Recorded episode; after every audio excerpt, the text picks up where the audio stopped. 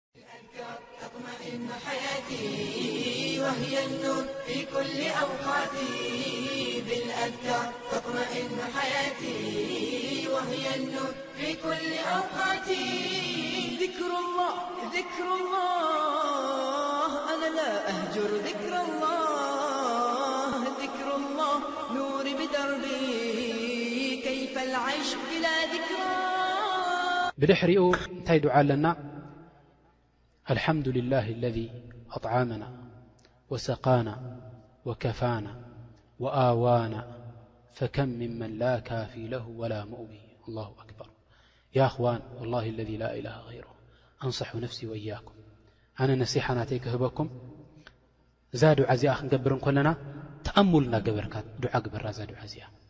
ተፈኩር እንዳገበርካ እዛ ዱዓ እዚኣ ግበራ እንድሕር ድኣ ርኢኻያ ንስኻ ካብ ካልኦት ከም ዘይትበልጽ ትፈልጥ ንነብስኻ ላኪን ኣላህ ስብሓነሁ ወተዓላ ፈደለካ ሚን ሳኢር ልኸልቅ ካብዞም ኩሎም ፍጡራት ንዓኻ ኣፈዲሉካ ረብና ስብሓነሁ ወተዓላ ንዓኻ ብሉጽ ገይሩካ ረብና ስብሓነሁ ወተዓላ ረኣይዎ እዚ ዱዓ እዚ ትብሎ እንታይ ኢሉ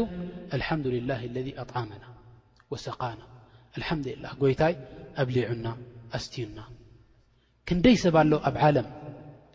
ብመላይን ዝቁፀሩ ተደሪሮም ዘይሓድሩ ኣለዉ ብመላይን ዝቁፀሩ ያኒ ሉቕማ ከይበልዑ ወላ ሸርበት ማእ ከይሰተዩ ዝሓድሩ ሰባት ብዙሓት ኣለዉ ወከፋና ከዛሊካ በቲ ሽሻይ ናቱ ኣኺሉና ጎይታ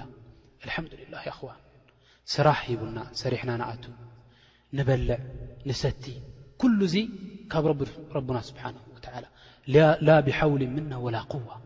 ብናትና ክእለት ኣይኮነ ብናትና ጥበብ ኣይኮነ ለውላ ፈድሉላሂ ስብሓነሁ ወተዓላ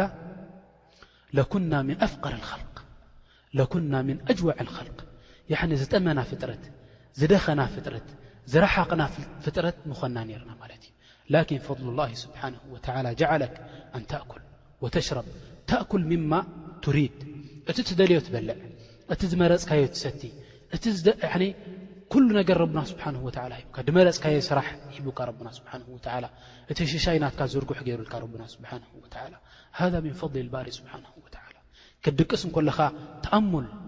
ኣፀልምት ኣቢልካ ተኣሙል እንዳገበርካ ኣነስ ካብ መን ይበልፅ ዝኹሉ እዚ ፈድሊ ሂቡኒ ዘሎ ረብና ስብሓነሁ ወተዓላ ወላሂ የሕታጅ ኢለ ተኣሙል ላኪን እንታይ የድልዮ እዚ ልቢ የድልዮ ማለት እዩ ወማ ዩለቃሃ ኢላ ለዚነ ሰበሩ ወማ ዩለቃሃ ኢላ ዙ ሓዚን ዓዚም ከምቲ ረብና ስብሓንሁ ወተዓላ ዝበሎ እቶም ልቢ ዘለዎም እቶም ረብና ስብሓንሁ ወተዓላ በቲ ናቱ ሽሻይ መታዕ ክረኽቡ በቲ ናቱ ትእዛዝ በቲ ናቱ ጣዓ ናይ ረብና ስብሓን ወተላ መታዕ ክረኽቡ ዝደለዮም ሰባት ንሳቶም እዮም እዚ ተኣሙል እዚ ዝገብሩ ማለት እዩ ብድሕሪ ዩ እንታይ ትብል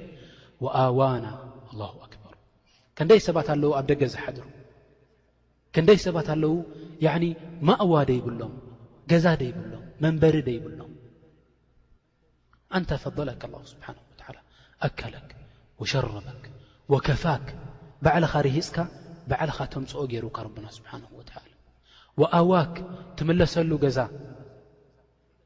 ኬድካ ድሕሪ ድኻም ትድቅሰሉ፣ ተዕርፈሉ፣ ትስተረሉ ገዛ ረቡና ስብሓነሁ ወተዓላ ሂቡካ። ኣላ የስተሒቁ ላህ ስብሓነሁ ወተዓላ ሓምደን ወሹክራ።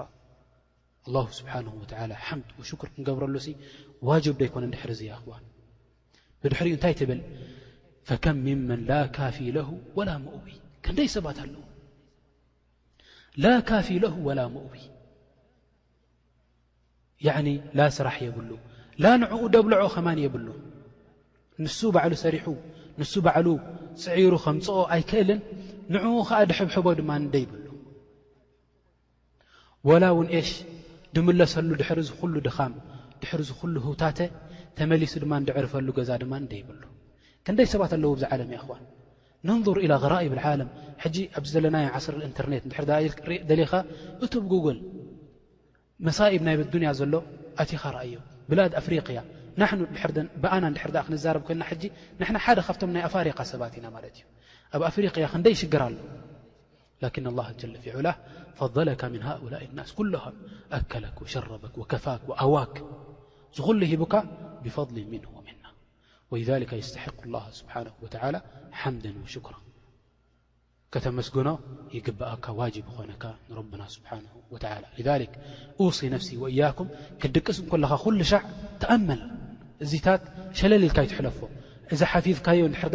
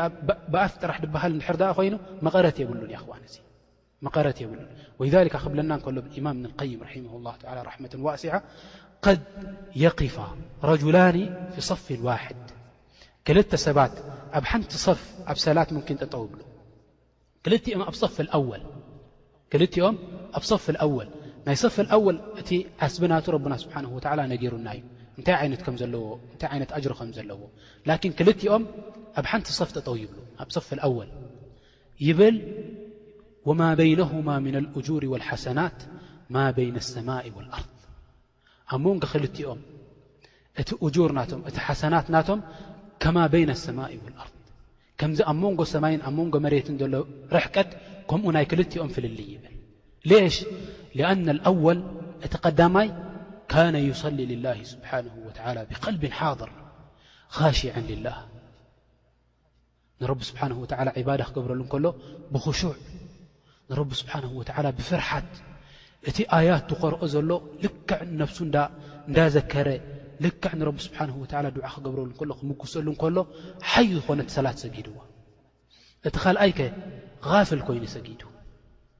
ልክዕ ኣብ ሰፈል ኣወል እዩ ዘሎ ላኪን እታ ሰላት ናቱ ላ ፊሃ ተፈክር ወላ ፊሃ ተደቡር ፈየኩኑ በይነሁማ ማ በይነ ኣሰማኢ ወልኣርድ ናይ ክልቲኦም ደረጃት ማ በይነ ኣሰማኢ ወልኣርዲ ይኸውን ከዛሊከ ናሕኑ ነቂስ ንሕና ከኣ እንታይ ንብል ሕጂ በይነ ኣዛክሪ ወዛክር ክልቲኦም ዘም ኣዝካር ዝገብሩ ክድቅሱ እንከለዉ ወ ካልእ ዓይነት ዝክሪ ከማን እቲ ዝጠቐስናዮ ክሳብ ዝሓለፈ እቲ ዝሓለፈ ከምኡ እውን እዚ ዝመጽእ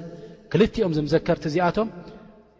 እቲ ናቶም ደረጃት ደረጃትሁም በይነ ኣሰማኢ ወልኣርድ ኢዛ ካነ ኣወል እንድሕር ድኣ ሓደ እዚ እንዳተዘከረ ንረቢ ስብሓንሁ ወተዓላ ተዕዚም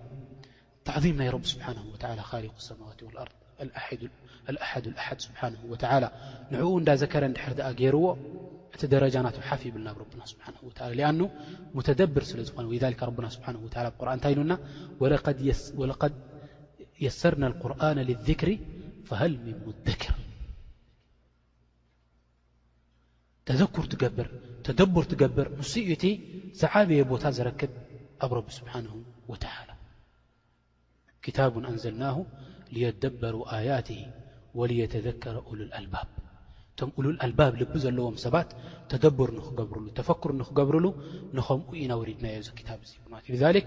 ሕፍዝ ጥራሕ ደይኮነ ብኣፍና ጥራሕ ክንብል ጥራሕ ደይኮነ ሙሩር ጌርና ክንሓልፎ ጥራሕ ደይኮነ እዚ ዓይነት ተፈኩር እንዳገበርና ክንገብሮ እንከለና እንታይ ንኸውን ማለት እዩ መቐረት ናይቲ ዒባዳ ናትና ንረኽበሉ ማለት እዩ ከዛሊክ ኣብ ኣኼራ ድማ እቲ ናቱ ዓስቢ ድማ ዝያዳ ኮይኑ ይመጸና ብኢድኒላሂ ሱብሓነሁ ወተዓላ።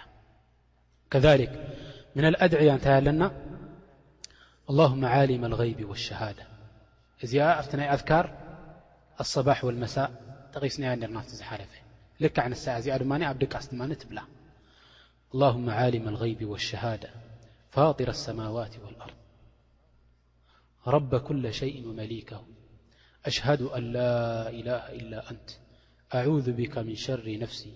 ومن شر الشيان وشركه كمك قسن وشركه ل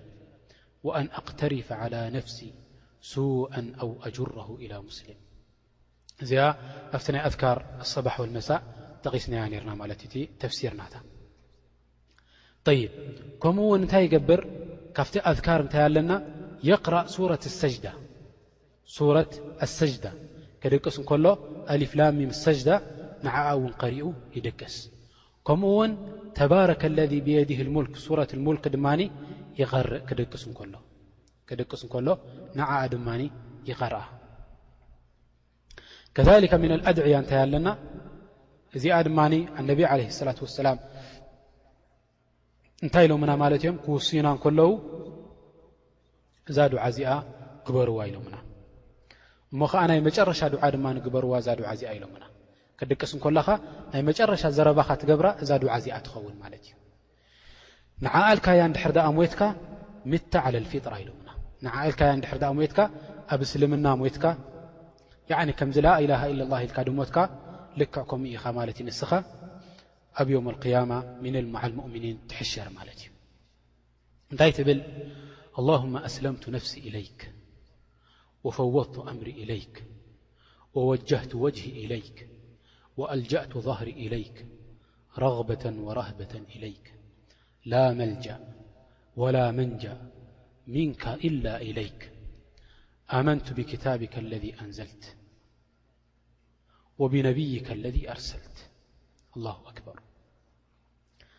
ሕጂ እንታይ ትገብር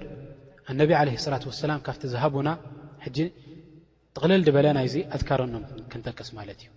እንታይ ኢሎምና ንዚኣ ክትብላ ንኮለካ ኢሎም ጠቂሶምልና ማለት እዮም ላኪን ንሳ ዳርጋ ንቅድሚት እያ ክትመፅእ ማለት እዩ ተን ምስኣ ተተሓሒዘን ዘለዋ ኣወለን ክድቀስ እንኮለካ እንታይ ትገብር ኣወለን ክድቅስ እንኮለካ ቀቅድሚ ምድቃስካ ውድእ ክትገብር ኣለካ እንድሕር ደኣ ውድእ ጌርካ ናብ ፍራሽ ናትካ እንድሕር ደኣ ደይብካ ረብና ስብሓነሁ ወተዓላ መላኢካ ይሰደልካ እዞም መላኢካ እዚኣ ክሳብ ንግሆ ትትስእ ክሕልዉኻ ይሓድሩ ማለት እዩ ብድሕሪኡ እዘን ኣያት ምስ ቀረእካ ነብስኻ ምስ ደረዝካዮ ኩሉ ምስ ኣበልካ ክትድቅስ እንኮለኻ ናም ዓላ ሽቅካ ኣይመን ናብ ምንታይ ትድቅስ ናብ የማን ገጽካ ትድቅስ ናብ የማን ገጽካ ትድቅስ እንታይ ትገብር የማናይ ኢድካ ኣብ ምዑግርትኻ ትሕዞ ማለት እዩ የማናይ ኢድካ ኣብ ምዑግርትኻ ትገብሮ ማለት እዩ ኣብ የማናይ ኢድካ ኣብቲ ከፍ ናትካ ኣብታ ጉንቦ ናትካ ኢድካ ኣብኣ ትድቅስ ማለት እዩ እቲ ከደክ እቲ ምዑግርቲ ናትካ ኣብ ምንታይ ይድቅስ ኣብታ ኢድካ ይድቅስ ማለት እዩ ብድሕሪኡ እታ ናይ መጨረሻ ዱዓ ከምታ ዝጠቀስናያ እንታይ ትብል ማለት እዩ እዛ ዝጠቀስናያ ዱዓ ኣላሁማ ኣስለምቱ ነፍሲ ኢለይክ እንተ ጎይታይ እዛ ነፍሰይ ንዓኻ እየ ሰሊመያ ደለኹ ትብል ኣላሁ ኣክበር ያኣኽዋን እዚ ተውሒድ እዚ ሞረኣይዎ ስብሓና ላህ እቲ ኢማን ናትካ ከመይ ሚዛን ሞረኣዩ ስብሓና ላህ እዚ እቲ መታዕ ንዓኻ ድህበካ ማለት እዩ ወፈወቱ ኣምሪ ኢለይ ኩሉ ናተይ ጉዳይ ድማ ናባኻ ኣፀጊዐዮ ትብሎ ንረብና ስብሓን ወተላ ኣላሁ ኣክበር ወወጀህቱ ወጅሂ ኢለይክ ናባኻ ገጸይ ድማ ጠሚተ ኣለኹ ትብሎ ንረብና ስብሓነሁ ወተዓላ ያዕኒ ናባኻ እየ ተወጅሀ ዘለኹ ትብሎ ንረብና ስብሓነሁ ወተዓላ ወኣልጃእቱ ዛህሪ ኢለይክ ያዕኒ እቲ ጎነይ ድማ ኣደቂሰየ ዘለኹ ብኣኻ እየ ትብሎ ንረብና ስብሓነሁ ወተዓላ ያዕኒ ልክዕ ከምዚ ንዓኻ ዝሰለምኩኻ ነብሰ እየ ትብሎ ኣለኻ ማለት እዩ ንረብና ስብሓነሁ ወተዓላ ማዓ ዛሊካ ኩሉ ብኤሽ ረግበተን ወራህባ ረግበተን ወራህበተን ኢለይክ ያኒ ረግባ ኣለኒ ጠማዕ ኣለኒ ህሩፍሩፎት ኣለኒ ናባኻ ከምኡ ውን ኤሽ ፍርሒ ድማ ካብቲ ዝኑብ ናተይ ዘንቢ ዝገበርክዎ ድማ ካብኡ ድማ ፍርሒ ኣለኒ ትብሎ ማለት እዩ ያዕኒ ኤሽ ናባኻ ክመፅእ ህሩፍርፎት ኣለኒ ናብ ጽቡቕ ንኸተእትወኒ ናብቲ ናትካ ጀና ንኸተእትወኒ ካብቲ ዘንቢ ናተይ ድማ ይፈርሕ ትብሎ ንረብና ስብሓነሁ ወተዓላ እንታይ ትብል ላ መልጃእ ወላ መንጃ ሚንካ ኢላ ኢለይክ ኣላሁ ኣክበር ያዕኒ ካባኻ ደዕቁብ ሰብ ካባኻ ደዕቁብ ፍጡር የለን ያዕኒ ረብና ስብሓንሁ ወተዓላ ክቐጽዓካ እንድሕር ደኣ ደልዩ ከዕቁበካ ድኽእል ፍጡር የለን ካብ ረቢ ስብሓንሁ ወተዓላ ከድሐነካ ድኽእል ሰብ ወይ ፍጡር የለን ብጀካ ናብ መን ብጀካ ናባኻ እንተ ጎይታ ዩ ትብሎ ማለት እዩ እታ ነብሰይ ንዓኻ እየ ሂበያ ደለኹ እንተደሊኻ ትቐፅዓኒ እንተደሊኻ ትምሕረኒ እንተደሊኻ ትርሕመኒ ኩሉ ናባኻ እዩ ትብሎ ንረብና ስብሓን ድሕሪኡ እንታይ ትብል ኣመንቱ ብክታብካ ለذ ኣንዘልት በቲ ዘውረድካዮ ቁርን በቲ ዘውረድካዮ ክታብ ብኩሉ ኣሚነ የ ኣነ ትብሎ ንረብና ስብሓን ወላ ወብነብይካ ለذ ኣርሰልት በቲ ነብ ዝለኣኽካዮ ድማ ብኡ ድማ ኣሚነ የ ትብሎ ንረብና ስብሓን ወላ እዚኣ ልካ ንድሕር ኣ ደቂስካ እታ ለይቲ እቲኣ ንድሕር ኣ ሞትካ ንድሕር ኣ ኮይና ብኣ ንድሕር ኣ ሩሕካ ወፅያ ፈኢነካ ምት ዓለ ልፍጥራ ኣብ ምንታይ ሞይትካ ኣለኻ ንስኻ ኣብ ኢማን ሞይትካ ኣለኻ ኣብ ፊጥረት ልእስላም ሞይትካ ኣለኻ ኣብ እስልምና ሞይትካ ኣለኻ ማለት እዩ ወብሊካ ተኮኑ ምና ልመርሑሚን በዚ ኸዓ ካብቶም ረቢ ስብሓንሁ ወተዓላ ድራሓሞም ካብቶም ረብና ስብሓንሁ ወተዓላ ንኣህሊ ልጅናን ዝገበሮም ሰባት ትኸውን ማለት እዩ ፈሕርዩም ቢና ያኽዋን እዚ ኣዝካር እዚ እዚ ኣድዕያ እዚ ሸለል ኢሉ ክሓልፍ ኣብ መንጎና የብሉን ማለት እዩ እዚ እንድሕር ድኣ ሰሚዕናዮ ረብና ስብሓን ወተዓላ ንመን እዩ ንኢድዎም ኣብ ቁርን እንታይ ኢሉ ረብና ስብሓን ወተዓላ ወበሽር ዕባድ ኢሉ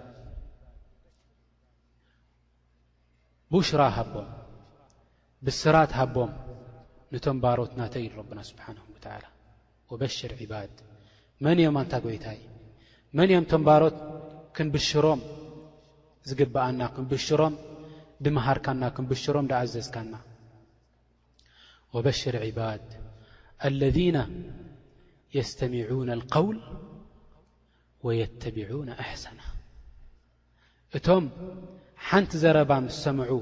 ዕልሚ ምስ ሰምዑ ደርሲ ምስ ሰምዑ እንታይ ድገብሩ የተቢዑነ ኣሕሰና እቲ ዝበለጸ እቲ ዝበለጸ ድኽተሉ ዝኾኑ ሰባት ማለት እዮም እቲ ዝበለጸ ድኽተሉ ድኾኑ ሰባት ማለት እዮም ያዕኒ እሽ እዘ እንድሕር ደኣ ሰሚዕካ ኣብ ተግባር ከተውዕሎ ኣለካ ማለት እዩ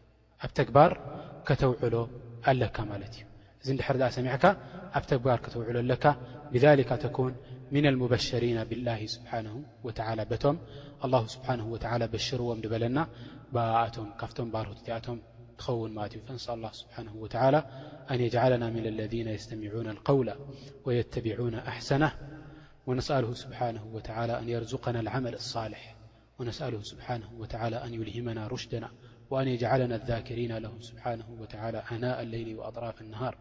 على الوجه الذي يرضيه عنا ونسأله سبحانه وتعالى أن يتقبل منا ومنكم صالح الأعمال وأن يصلح نياتنا وذرياتنا ونسأله سبحانه وتعالى أن يصلح لنا أمور ديننا ودنيانا وآخرتنا إنه ولي ذلك والقادر عليه فهذا قلت ما قلت فإن أصبت فمن الله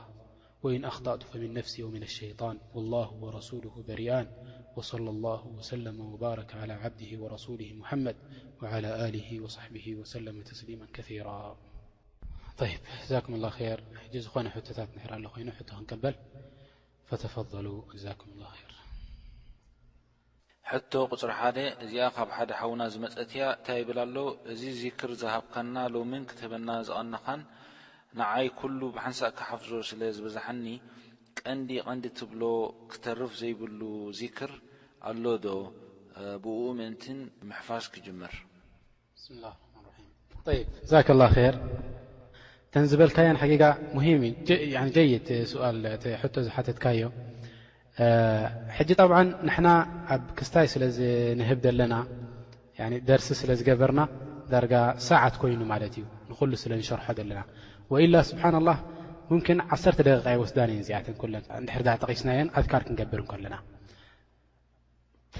ላኪን ሓደ ሰብ ነብሱ ድሕር ከየተግለላ ደልዩ ከየክብደላ ደልዩ በብ ቅሩብ ድር ክጅምር ደልዩ ከምዚ ዝበልካዮ እንታይ ተመረፃ ተመረፃ ኣለዋ ብ ኩሉ ተመረፀ እዩ ላኪን ክገድፈን ደይብሉ ነገራት እንታይ ኣለዎ ኣየትል ኩርሲ ክገድፍ የብሉን እተ ናይ መጨረሻ ኣያት ናይ ሱረት በራ ክገድፈን የብሉን ጠቕላላ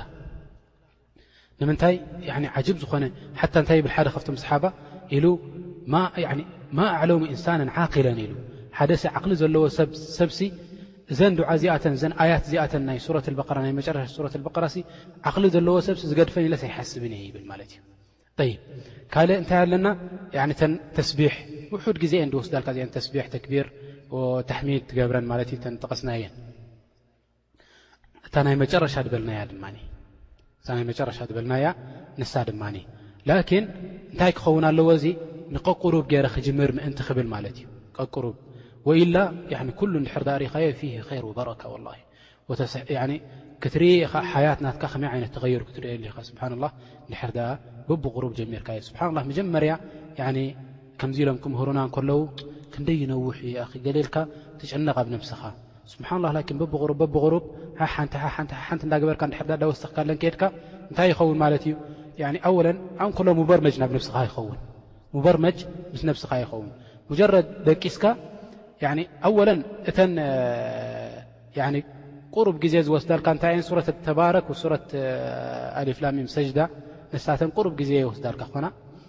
ወላ ኮፍ ኢልካ እንኮለኻ ያኒ ቀቅድሚ ምደቃስካ ክትቀረኤን ትኽእል ኢኻ ማለት እዩ። ኣማ እተን ኣብ ፍርናሽካ ምስ ደቀስካ ኢድካ ሂብካ ያኒ ተጎምቢኻ ክትድቅስ እንኮለኻ ሓታ እዚ እንታይ ማለት እዩ ካብ ህሙም ካብ ጉምም ከድሕነካ ይኽእል እዩ ንዓኣተን እንዳ ጠቀስካ ያኒ ድቃሳ እንኮሎ ክመጸካ ይኽእል እዩ ማለት እዩ ፈንሳ ኣላ ስብሓንሁ ወተዓላ የንጅዓለና ያኒ ምነ ለዚነ ለሁም ሕርስ ሸዲድ ዓላ ዚክሪላሂ ስብሓንሁ ወተዓላ እቲ ዚክር ናይ ረቢ ስብሓንሁ ወተዓላ ኩሉ መሕርሲ ጌርካሉ ያኒ እንታይ እዩ ማለት እዩ እቲ ሓያት ናትካ ያኒ ሓያትን ስዒዳ ትነብር ከምኡ ውን ክትመውት እንከለኻ ድማ ሽዑ እዩ እቲ ዝፍለጥ ማለት እዩ ሽዑ ስብሓን ላህ ያኒ ቅብለ ኣያም ረጅሉን ሳልሕ ያኒ ሓደ ሰብ ረጅል ሳልሕ ምን ኣልዑለማ ሸክ ዓብዱልዓዚዝ ውሄቢ ዝበሃል ሞይቱ እዚ ሰብ እዚ ኣብ ሓያት ናቱ እንከሎ ብዙሕ ሰብ ኣይፈልጦን እዩ ነይሩ ላኪን ስብሓንላህ ብሓደት ናይ ሰያራ እዩ ሞይቱ ማኪና ተናጒፁ እዩ ሞይቱ ምስ ስድርኡ ንስ ላ ስብሓን ወላ ንተቐመድም ቢዋስዕ ራሕመቲ እዚ ሰብ እዚ ምስ ሞተ ደይፈለጠ ሰብ የለን መስጊድ ዝሰገደሉ ሰላሳ ሽሕ ዝሰግድሉ ሰባት እዩ እቲ መስጊድ መሊኡ ደገ መሊኡ ኩሉ ሕጂ እንታይ ክወፅ ጀሚሩ ተኣስራር ናቱ ክወፅ ጀሚሩ ኣስራር ናቱ ኩሉ ክወጽእ ጀሚሩ ከምዚ ገብር ኔሩ ከምዚ ገብር ኔሩ ከምዚ ገብር ኔሩ ሱብሓነላህ የኣኽዋን ኣነ ትማሊ ምስ ረኣኽዎ ኣብ ተለቪዥን ኣምጺኦሞ ኣብ ቐናት ኣልመጅድ ኣምጺኦሞ እቲ ታሪኽ ናቱ ይጠቕሱ ኔሮም እንታይ ይገብር ከም ዝነበረ ብዙሕ ሰብ ዝገብረሎ ዝነበረ ኼራት ኣቦኡን ኣዲኡን ደይፈልጥዎ ስድርኡ ደይፈልጥዎ ሰበይቱ ደይትፈልጦ ዝገብሮ ዝነበረ ኼራት ሕጂ ክወጽእ ጀሚሩ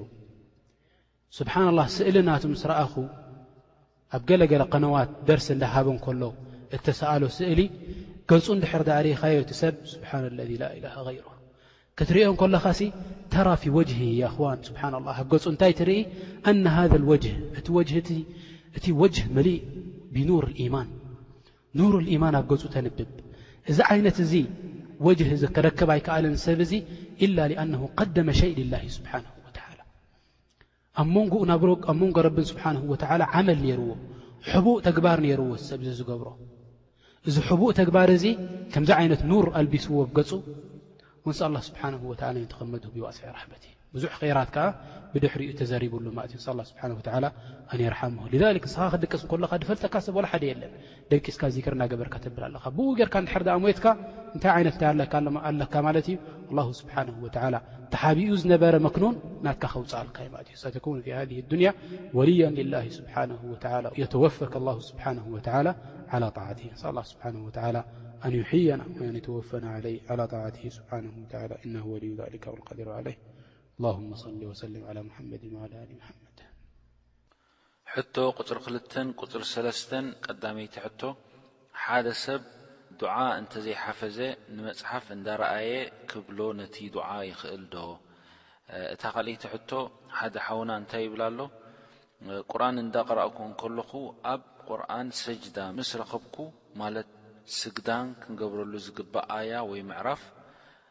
ቂብላ ይፈልጥ ስለ ዘይነበርኩ ከምታ ዝመሰለኒ ገይረ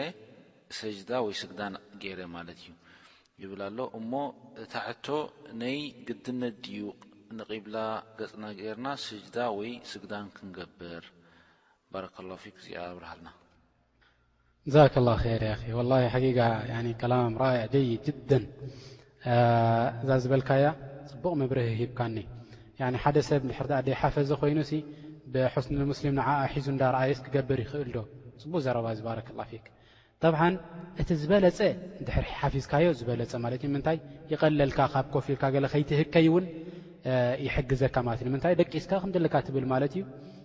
ብኡ ጌርካ ክትድቅስ ኢኻ ማለት እዩ። እንድሕር ደኣ ክተንብብ ኰንካ ላኪን መብራህቲ ግድን ክህልወካ ኣለዎ፣ ሜስካ ኮፍ ክትብል ኣለካ ገለ ማለት እዩ። ላኪን ክሳብ ንዕኡ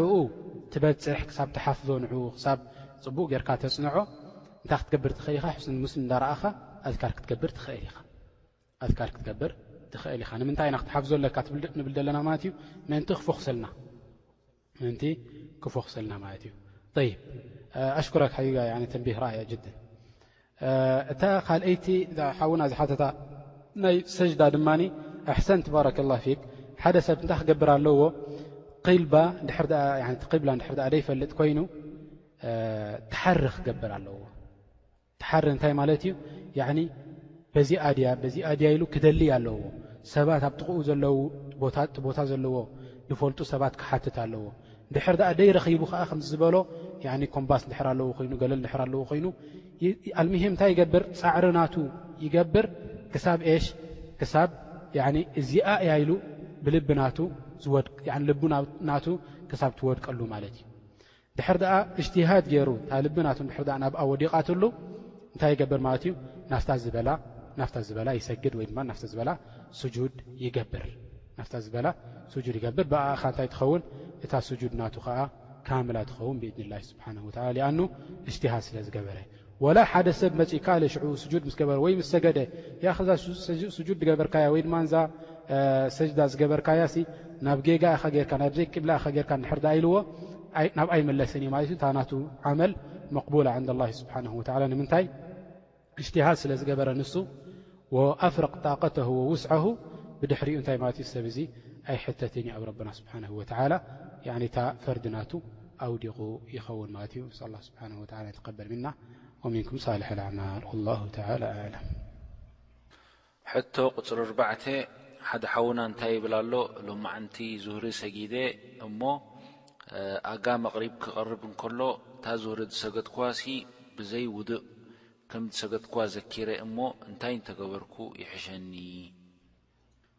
ጠይብ እንታይ ኢሎምና ነቢ ዓለይሂ ሰላቱ ወሰላም መን ነስየ ሰላት ኣው ናመ ዓንሃ ፈልዩሰሊሃ መታ ዘከረሃ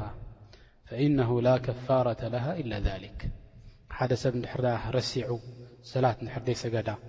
ወይ ድማ ደቂሱ ድቃስ ወሲድዎ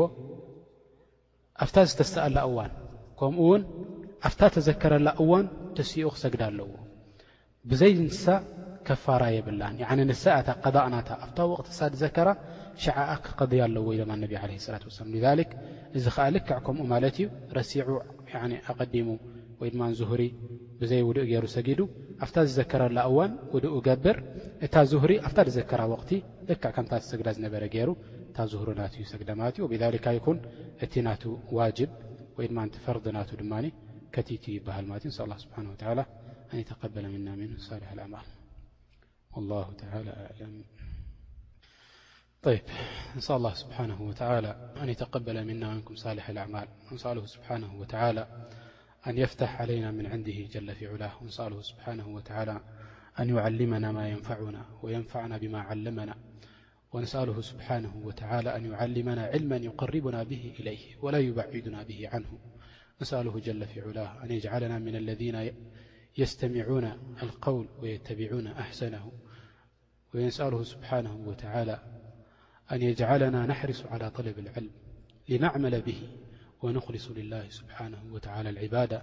إنه ولي ذلك والقادر عليه وصلى الله وسلم وبارك على نبينا محمد وعلى آله وصحبه وسلم وأشكر الإخوان لحسن إصغائكم إنسأ الله سبحانه وتعالى ألا يحرمكم الأجر والمثوبة إنسأ الله سبحانه وتعالى أن يحينا حياة طيبة حياة فيها ذكره سبحانه وتعالى